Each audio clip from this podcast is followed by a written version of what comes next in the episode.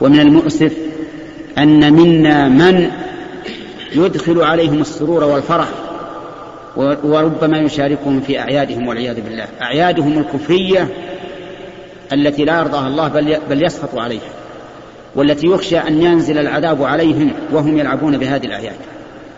يوجد من الناس والعياذ بالله من لا قدر للدين عنده كما قال ابن القيم رحمه الله في كتاب أحكام أهل الذمة ليس عنده قدر للدين يشاركهم في الأعياد ويهنئهم. كيف تدخل السرور على أعداء الله وأعدائك أدخل عليهم ما يحزنهم ويغيظهم ويدخل عليهم أضيق ما يكون وأحنك ما يكون من الضيق. هكذا أمر لأنهم أعداء لنا وأعداء لله وأعداء لديننا وأعداء للملائكة والنبيين والصديقين والشهداء والصالحين. المهم أن المغيرة بن شعبة واقف على رسول على رأس رسول الله صلى الله عليه وسلم وبيده السيف تعظيما له حتى أنه في هذه في أثناء هذه المراسلة فعل الصحابة رضي الله عنهم شيئا ما يفعلونه في العادة. كان عليه الصلاة والسلام إذا تنخم تلقوا نخامته و بأيديهم بالراحة ثم يمسحون بها وجوههم وصدورهم. يعني ما كانوا يفعلون هذا. لكن لأجل إذا ذهب رسول الكفار إلى الكفار بين لهم حال الصحابة مع نبيهم عليه الصلاة والسلام. ولذلك لما رجع الرسول رسول قريش قال يا والله لقد دخلت على الملوك وكسرى وقيصر والنجاشي فلم أرى أحدا يعظمه أصحابه مثل ما يعظم أصحاب محمد محمدا. رضي الله عنهم وأرضاهم وجزاهم عنا خيرا. المهم أن القيام على الرجل إذا كان المقصود به حفظ الرجل أو كان المقصود به إغاظة العدو فإن هذا لا بأس به ولا حرج فيه وإلا فهو منهي عنه. في حديث كعب بن مالك نعود إلى حديث كعب بن مالك رضي الله عنه قال له النبي عليه الصلاة والسلام لما قال إن من توبتي أن أنخلع من مالي توبة إلى الله ورسوله قال أمسك عليك بعض مالك فهو خير لك فأمسك عليه بعض المال. وفي هذا دليل يعني ويؤخذ من هذه من هذا الحديث أو من هذا القطع من الحديث أن من أنعم الله عليه نعمة فإن من السنة أن يتصدق بشيء من ماله. فإن النبي عليه الصلاة والسلام أقر كعب بن مالك على أن يتصدق بشيء من ماله توبة إلى الله عز وجل لما حصل له من هذا الأمر العظيم الذي كان فخرا له إلى يوم القيامة. والله الموفق. قال رحمه الله تعالى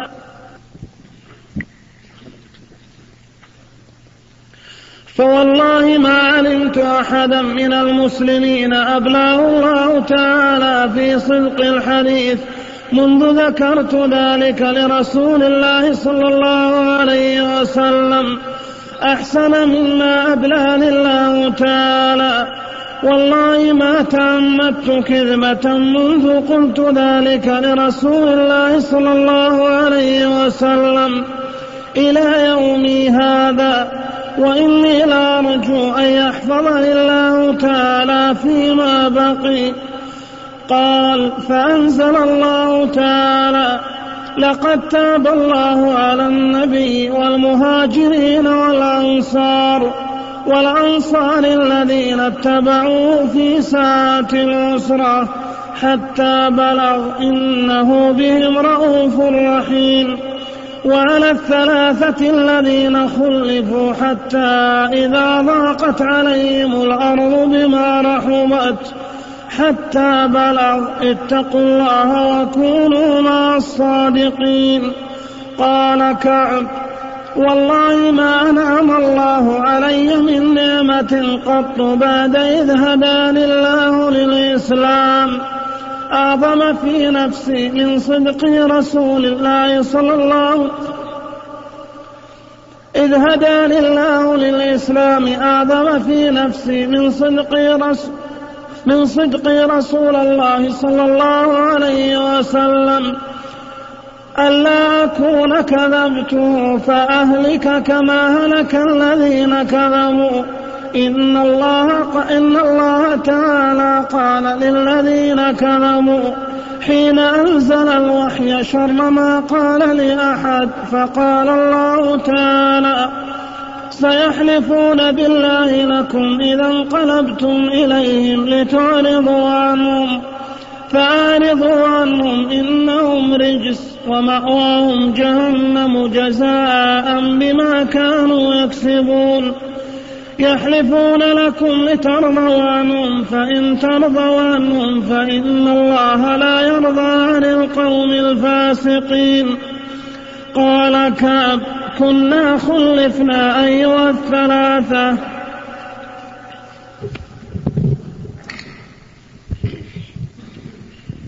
بسم الله الرحمن الرحيم. ما زلنا في حديث كعب بن مالك رضي الله عنه وصاحبيه وهم هلال بن أمية ومرارة بن الربيع الذين تخلفوا في غزوة تبوك وخلفوا عن البت في أمرهم حتى يقضي الله فيهم ما شاء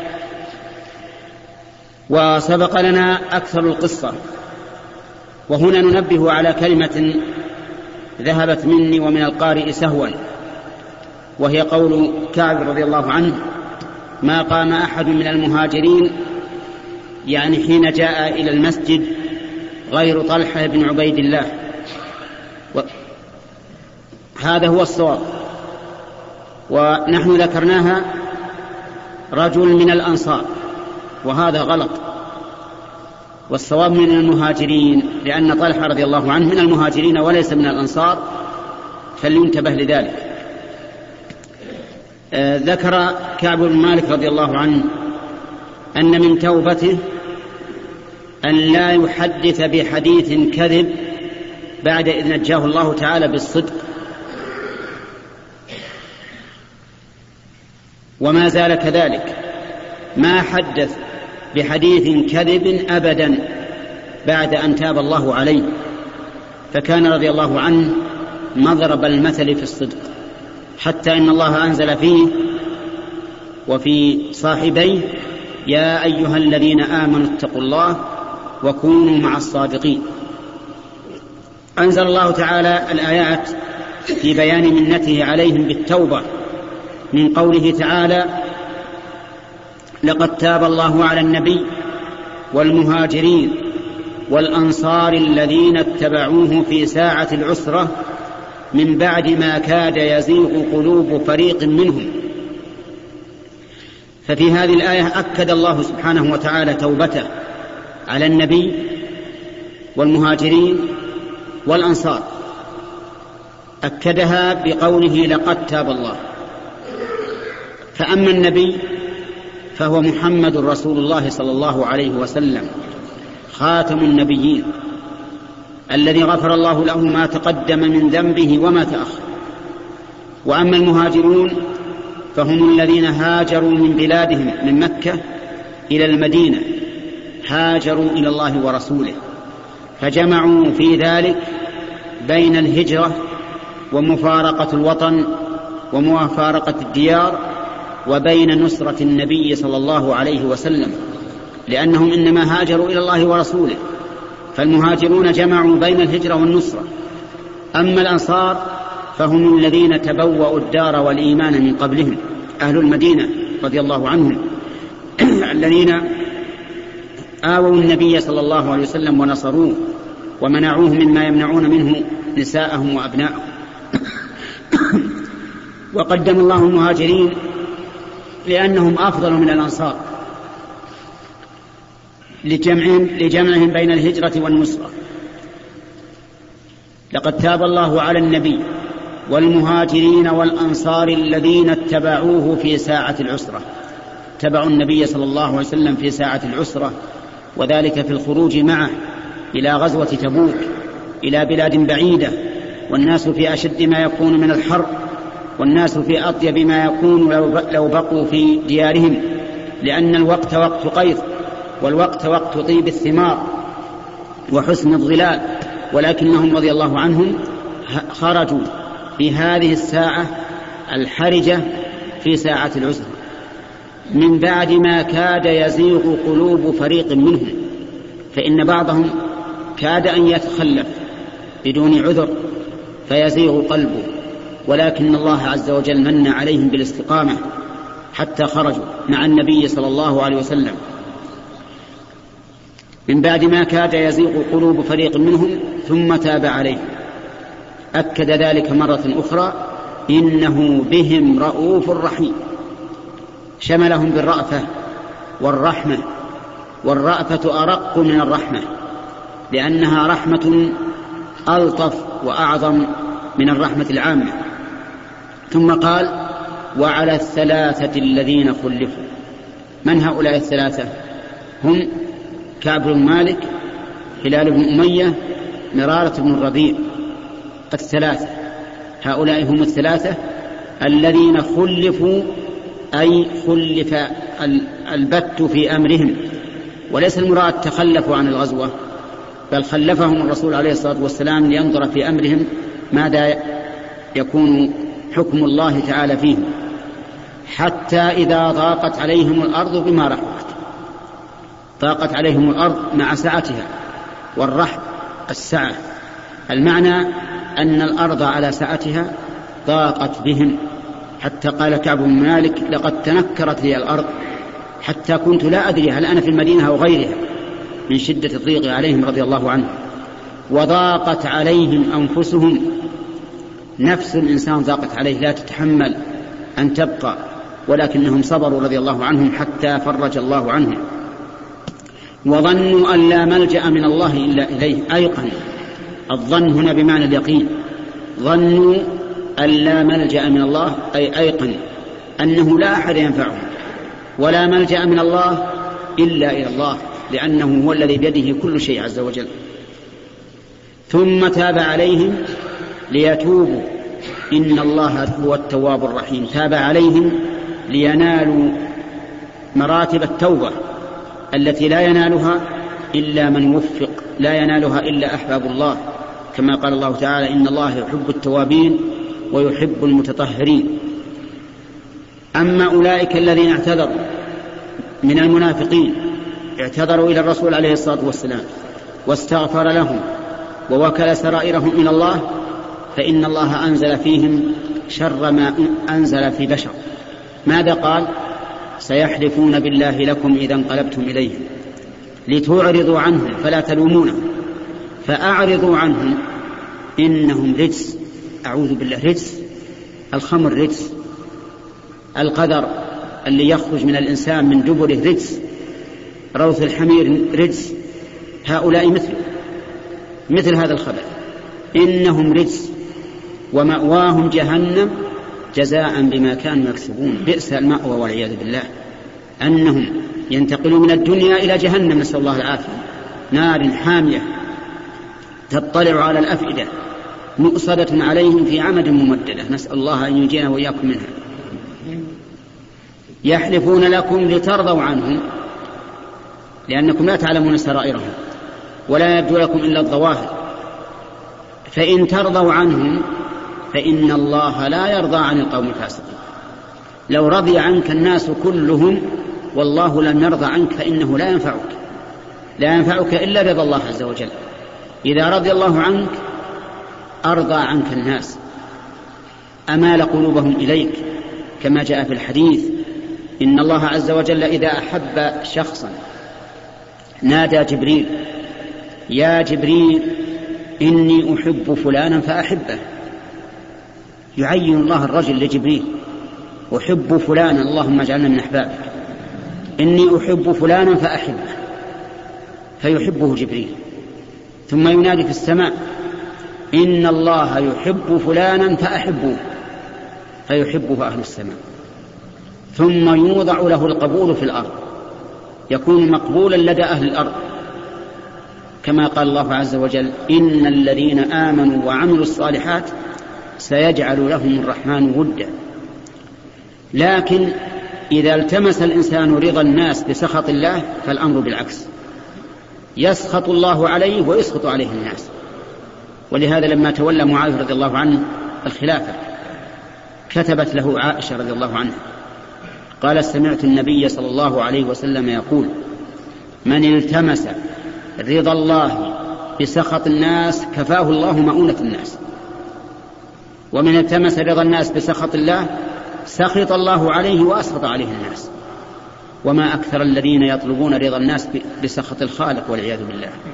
هؤلاء هم في سخط الله ولو رضي عنهم الناس. لا ينفعهم رضا الناس.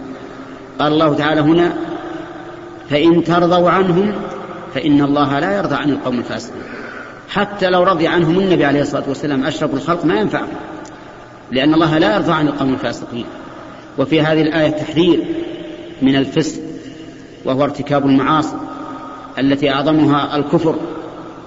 وكل فسق فإنه ينقص من رضا الله عن الإنسان بحسبه لأن, الوصف لأن الحكم المعلق بالوصف يزداد بزيادته وينقص بنقصانه ويقوى بقوته ويضعف بضعفه. الفسق من أسباب عدم رضا الله. إن ترضوا عنهم فإن الله لا يرضى عن القوم الفاسقين الفسق أنواع كثيرة ومراتب عظيمة كثيرة. مثلا عقوق الوالدين من الفسوق قطيعة الرحم من الفسوق غش الناس من الفسوق الغدر بالعهد من الفسوق الكذب من الفسوق. كل معصية فهي من الفسوق. لكن الصغائر صغائر الذنوب تكفرها حسنات الأعمال إذا إذا أصلح الإنسان الحسنات كما قال الله تعالى أقم الصلاة لدلوك الشمس إلى غسق الليل وقرآن الفجر إن قرآن الفجر كان مشهودا وقال عز وجل إن. إن الحسنات يذهبن السيئات فإذا فعل الإنسان حسنة أذهبت السيئة إذا كانت صغيرة. أما الكبائر فلا ينفع فيها إلا التوبة. على كل حال الفسق من من أسباب انتفاء رضا الله عن العبد والطاعة من أسباب الرضا. فعليك يا أخي بطاعة الله. التزم طاعة الله. إن كنت تريد رضا الله وإن كنت تريد رضا الله وإن كنت تريد رضا الناس فأرض الله. إذا رضي الله عنك كفاك مؤونة الناس وأرضى الناس عنك. وإن أسخطت الله برضا الناس فأبشر بسخط الناس مع سخط الله والعياذ بالله. اللهم وفق نقل المؤلف رحمه الله تعالى في سياق حديث كعب إن الله تعالى قال للذين كذبوا حين أنزل الوحي شر ما قال لأحد فقال سيحلفون بالله لكم إذا انقلبتم إليهم لتعرضوا عنهم فأعرضوا عنهم إنهم رجس ومأواهم جهنم جزاء بما كانوا يكسبون. يحلفون لكم لترضوا عنهم فإن ترضوا عنهم فإن الله لا يرضى عن القوم الفاسقين. قال كعب كنا خلفنا أيها الثلاثة عن أمر أولئك الذين قبل منهم رسول الله صلى الله عليه وسلم حين حلفوا له فبايعهم واستغفر لهم وأرجى رسول الله صلى الله عليه وسلم أمرنا حتى قضى الله تعالى فيه بذلك. قال الله تعالى وعلى الثلاثة الذين خلفوا وليس الذي ذكر مما خلفنا تخلفنا عن الغزو وإنما هو تخليفه إيانا وإرجاؤه أمرنا. عمن حلف له واعتذر إليه فقبل منه متفق عليه. وفي رواية أن النبي صلى الله عليه وسلم خرج في غزوة تبوك يوم الخميس وكان يحب أن يخرج يوم الخميس. وفي رواية وكان لا يقدم من سفر إلا نهارا في الضحى فإذا قدم بدأ بالمسجد فصلى فيه ركعتين ثم جلس فيه. بسم الله الرحمن الرحيم. قال المؤلف رحمه الله في بقية حديث كعب بن مالك وصاحبيه هلال بن أمية ومرارة بن الربيع. أن الله سبحانه وتعالى أنزل في الذين تخلفوا عن غزوة تبوك وأتوا إلى النبي صلى الله عليه وسلم يعتذرون إليه ويحلفون له بأنهم معذورون أنزل فيهم شر ما أنزل في, في أي أحد من الناس. سيحلفون بالله لكم إذا انقلبتم إليهم لتعرضوا عنهم فأعرضوا عنهم إنهم رجس. ومواهم جهنم جزاء بما كانوا يكسبون. يحلفون لكم لترضوا عنهم فإن ترضوا عنهم فإن الله لا يرضى عن القوم الفاسقين. وقد سبق الكلام على هذا.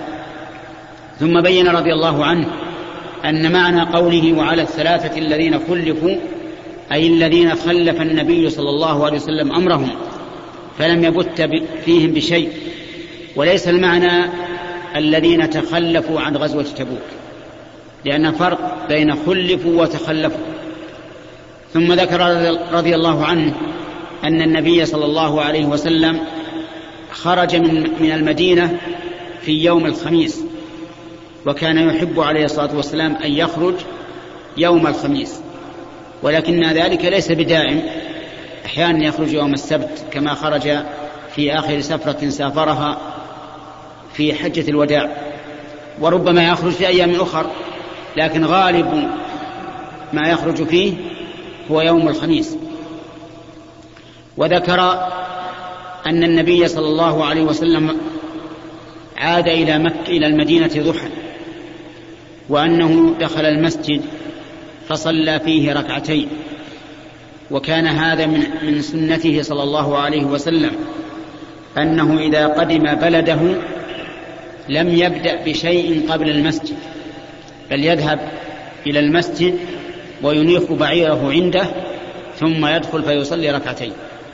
وهذا من السنة أنك إذا قدمت إلى بلدك توقف السيارة عند المسجد وتدخل وتصلي ركعتين سواء كان في أول النهار أو في آخره حتى بعد العصر أو بعد صلاة الفجر لأن هذه صلاة لها سبب.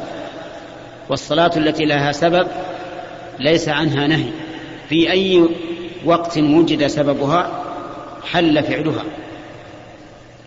فينبغي إذا قدم الإنسان إلى بلده أن يبدأ قبل كل شيء بالمسجد. والظاهر أنه لو صلى في أول مسجد يمر به من البلد كفى.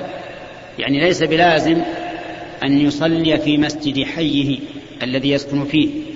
بل إذا صلى في أي مسجد من مساجد البلد حصلت به السنة. والله موفق. نقل المؤلف رحمه الله تعالى عن ابن مسعود رضي الله عنه عن النبي صلى الله عليه وسلم قال إن الصدق يهدي إلى البر وإن البر يهدي إلى الجنة وإن الرجل ليصدق حتى يكتب عند الله صديقا. وإن الكذب يهدي إلى الفجور وإن الفجور يهدي إلى النار وإن الرجل ليكذب حتى يكتب عند الله كذابا. متفق عليه. بسم الله الرحمن الرحيم. هذا الباب عقده المؤلف رحمه الله للصدق. فقال باب الصدق وذكر آيات سبق الكلام عليها. أما الأحاديث فقال عن عبد الله بن مسعود رضي الله عنه أن النبي صلى الله عليه وسلم قال عليكم بالصدق فإن الصدق يهدي إلى البر وإن البر يهدي إلى الجنة. عليكم بالصدق أي يلزم الصدق والصدق مطابقة الخبر للواقع يعني أن تخبر بشيء فيكون الخبر مطابقا للواقع. مثال ذلك إذا قلت لمن سألك أي يوم هذا؟ فقلت اليوم يوم الأربعاء. هذا صدق. ولو قلت اليوم يوم الثلاثاء لكان كذبا. فالصدق مطابقة الخبر للواقع. وقد سبق في حديث كعب بن مالك رضي الله عنه وصاحبيه ما يدل على فضيلة الصدق وحسن عاقبته وأن الصادق هو الذي له العاقبة والكاذب هو الذي يكون عمله هباء. ولهذا يذكر أن بعض العامة قال إن الكذب ينجي فقال له أخوه الصدق أنجى وأنجى وهذا صحيح. واعلم أن الخبر يكون باللسان ويكون بالأركان. أما باللسان فهو القول وأما بالأركان فهو الفعل. ولكن كيف يكون الكذب بالفعل؟ إذا فعل الإنسان خلاف ما يبطن فهذا قد كذب بفعله. فالمنافق مثلا كاذب لأنه يظهر للناس أنه مؤمن. يصلي مع الناس ويصوم مع الناس ويتصدق ولكنه بخيل وربما يحج.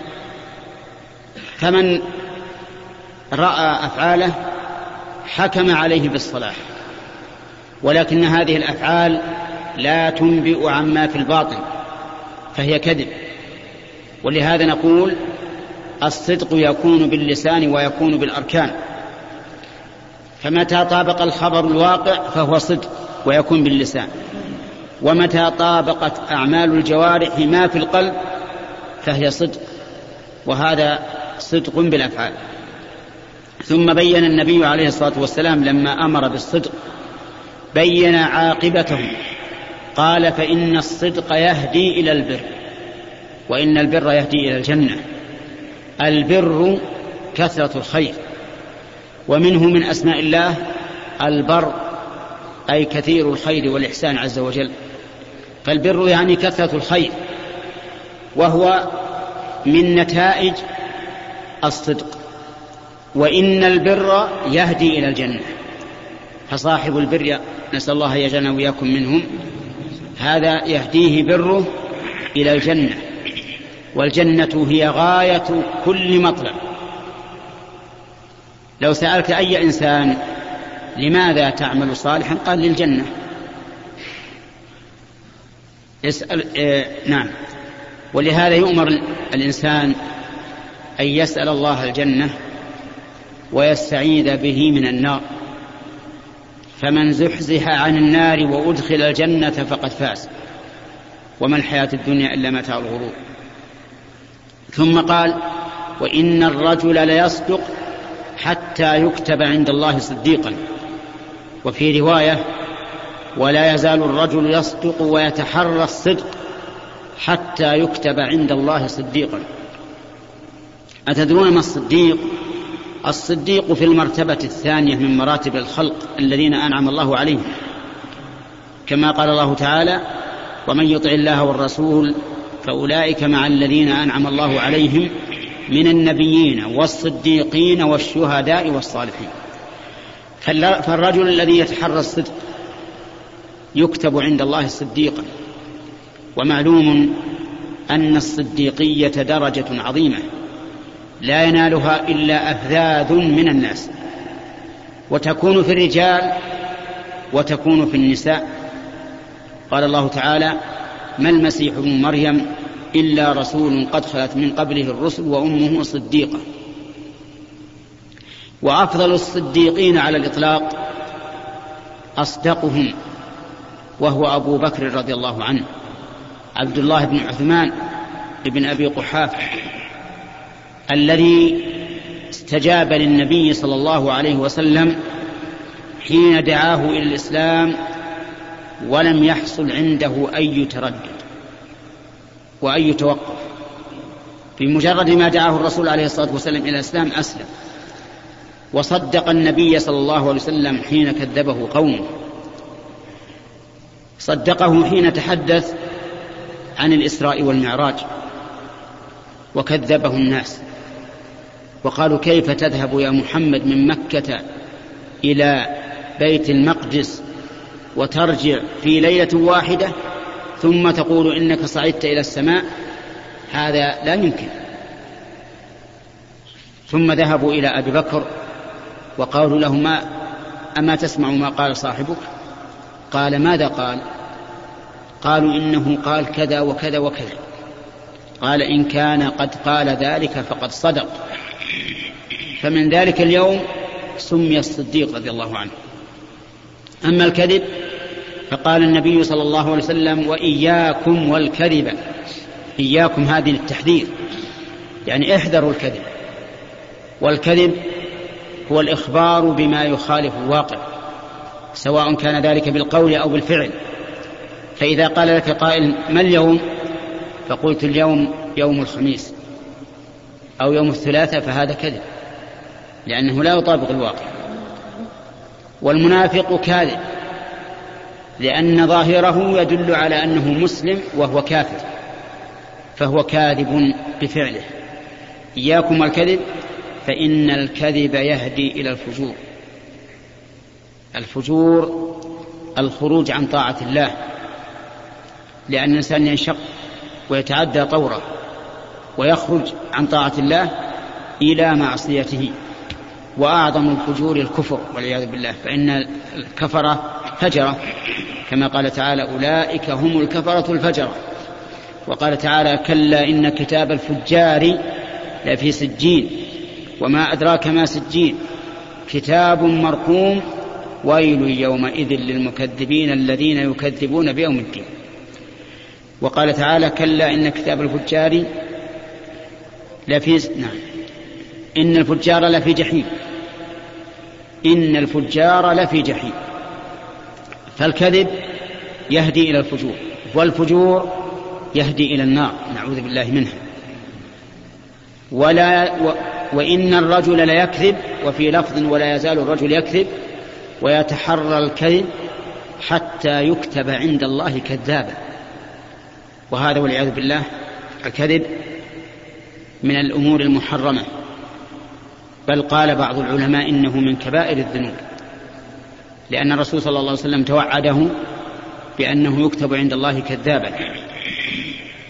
ومن أعظم الكذب ما يفعله بعض الناس اليوم يأتي بالمقالة كاذبا يعلم أنها كذب لكن من أجل أن يضحك الناس. وقد جاء في الحديث الوعيد على هذا. ويل لمن حدث فكذب ليضحك به القوم. ويل له ثم ويل له. وهذا وعيد. على أمر سهل عند كثير من الناس. فالكذب كله حرام. كله يهدي إلى الفجور.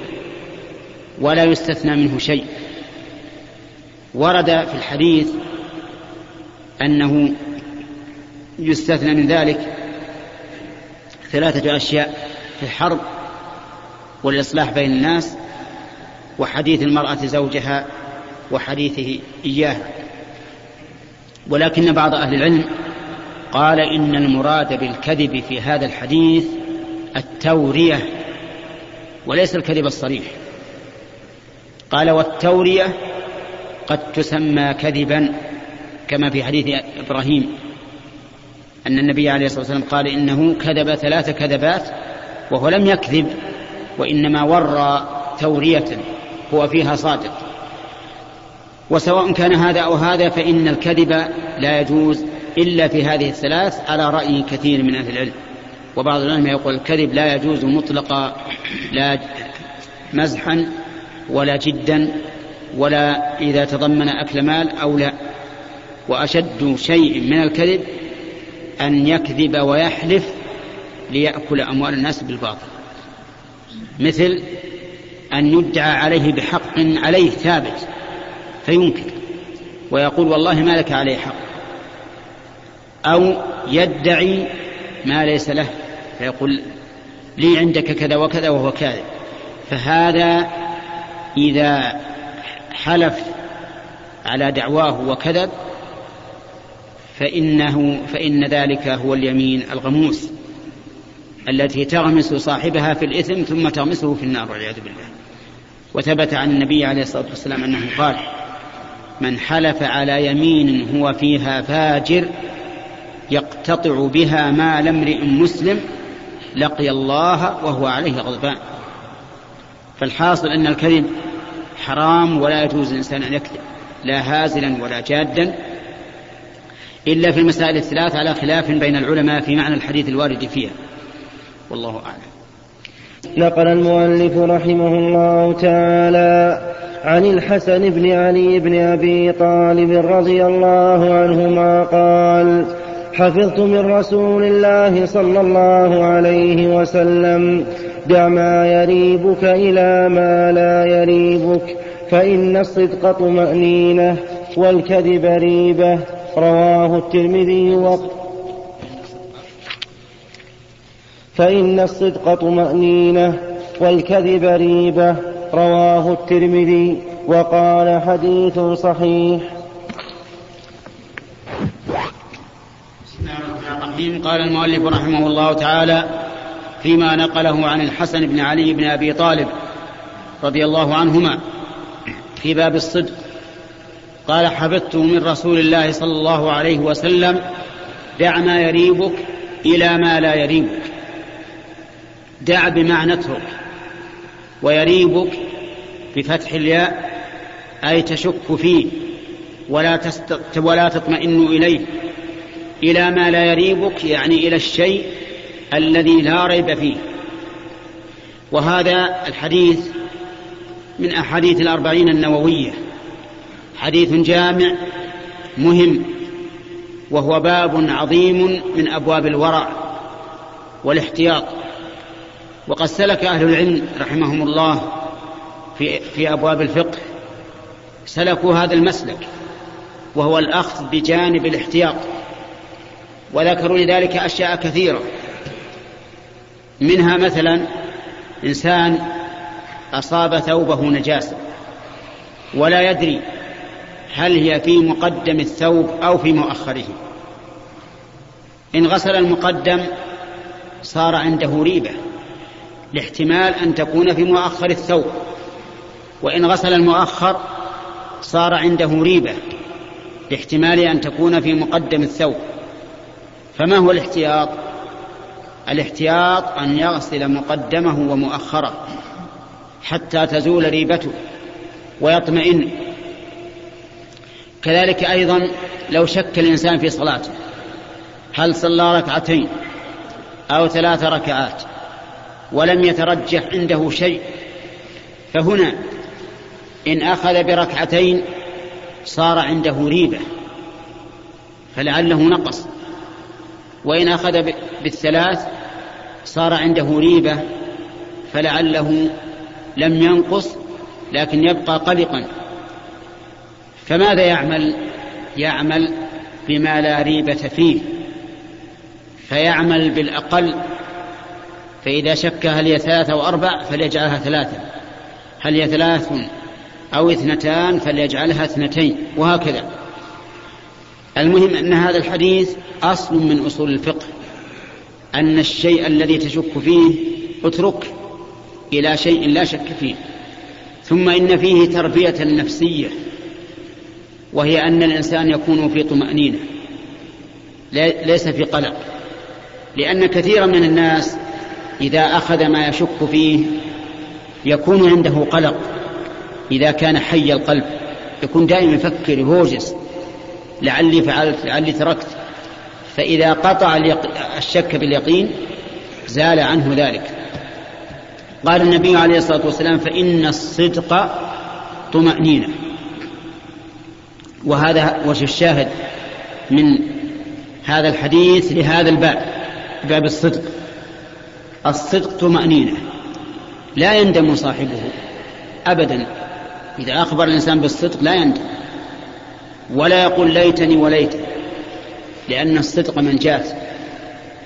والصادقون ينجيهم الله تعالى بصدقهم. وتجد الصادق دائما مطمئنا لأنه لا يتأسف على شيء حصل أو شيء يحصل في المستقبل. لأنه قد صدق. ومن صدق نجا. أما الكذب فبين النبي صلى الله عليه وسلم أنه ريبة. ولهذا تجد أول من يرتاب في الكاذب نفسه. نفس الكاذب يرتاب هل يصدقه الناس أو لا يصدقونه؟ ولهذا تجد الكاذب إذا أخبرك بالخبر قام يحلف. حلف بالله إنه لصدق لئلا ترتاب في خبره مع أنه محل ريبة فتجد المنافقون مثلا يحلفون بالله ما قال ولكنهم في ريبة. قال الله تعالى ولقد قالوا كلمة الكفر وكفروا بعد إسلامهم وهموا بما لم ينال فالكذب لا شك أنه ريبة قلق للإنسان يرتاب الإنسان هل, هل علم الناس بكذبه أم لم يعلموا؟ فلا يزال في شك واضطراب. إذا نأخذ من هذا الحديث أنه يجب على الإنسان أن يدع الكذب إلى الصدق لأن الكذب ريبة والصدق طمأنينة. وقد قال النبي عليه الصلاة والسلام دع ما يريبك إلى ما لا يريبك والله موفق. قال رحمه الله تعالى عن أبي سفيان صخر بن حرب رضي فيما نقله عن أبي سفيان صخر بن حرب رضي الله عنه في حديثه الطويل في قصة هرقل. قال هرقل فماذا يأمركم؟ يعني النبي صلى الله عليه وسلم. قال أبو سفيان قلت يقول اعبدوا الله وحده لا تشركوا به شيئا. واتركوا ما يقول آباؤكم ويأمرنا بالصلاة والصدق والعفاف والصلة متفق عليه. و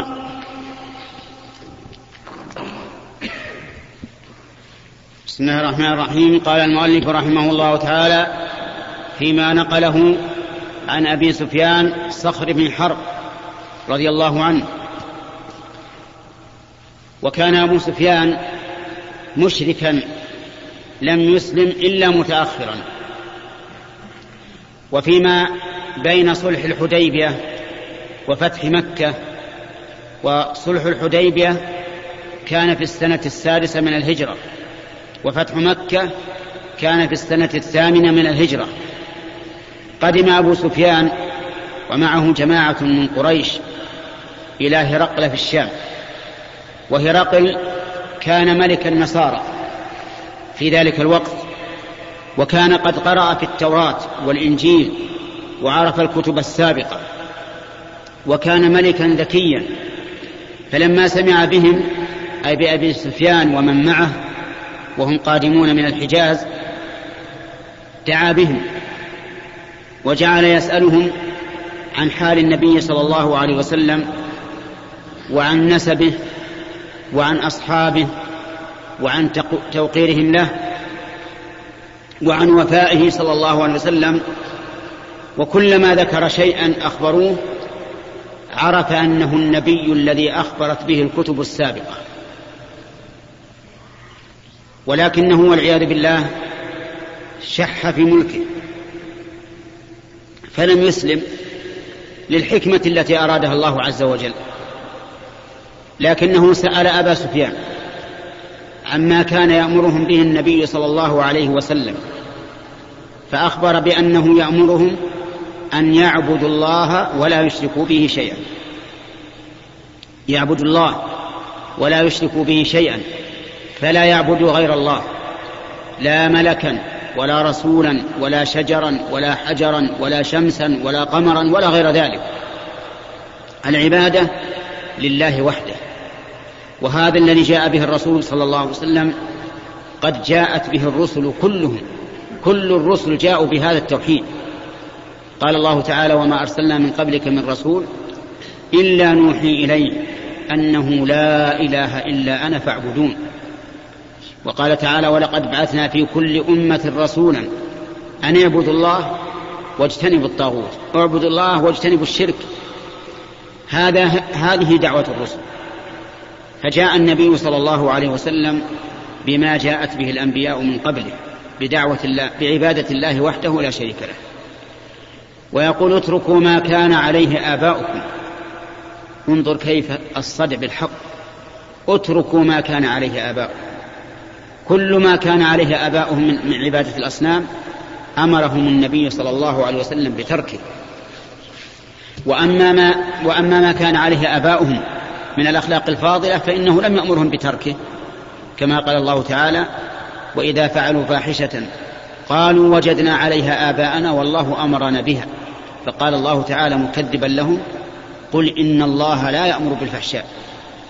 فالحاصل أن رسول الله صلى الله عليه وسلم أمر أمته الذين باشر دعوتهم أن يدعوا ما, ما كان عليه آباؤهم يعني من الإشراك بالله. وكان يأمرنا بالصلاة. الصلاة التي هي صلة بين العبد وبين ربه وهي آكد أركان الإسلام بعد الشهادتين. وبها يتميز المؤمن من الكافر فهي العهد الذي بين, المؤمن بين بيننا وبين المشركين والكافرين. كما قال النبي عليه الصلاة والسلام العهد الذي بيننا وبينهم الصلاة فمن تركها فقد كفر. يعني كفر كفرا مخرجا عن الملة لأن الرسول عليه الصلاة والسلام قال العهد الذي بيننا وبينهم الصلاة فهذا حد فاصل بين المؤمنين وبين الكافرين. أخي الكريم تود مؤسسة الاستقامة الإسلامية